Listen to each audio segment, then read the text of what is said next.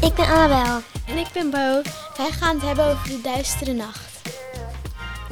We zaten gewoon lekker op de bank. Opeens hoorden we iemand of iets over het grind lopen.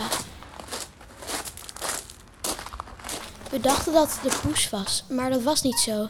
Mijn moeder keek door het kleine raampje en zag een enge man. Ze fluisterde zacht in mijn oor dat we snel naar boven moesten rennen, omdat het een dief was.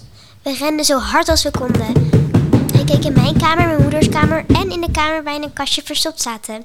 We wisten dat hij het kastje ging open doen, maar terwijl hij dat deed, ging er een deur open. Er kwam een andere dief aan en hij rommelde ook overal. In de keuken, in de woonkamer en in alle kasten beneden. We dachten dat ze klaar waren, maar dat was niet zo. Ze keken ook achter ons gordijn en daar lag al ons goud. Ze stopte het in een tas en toen, en toen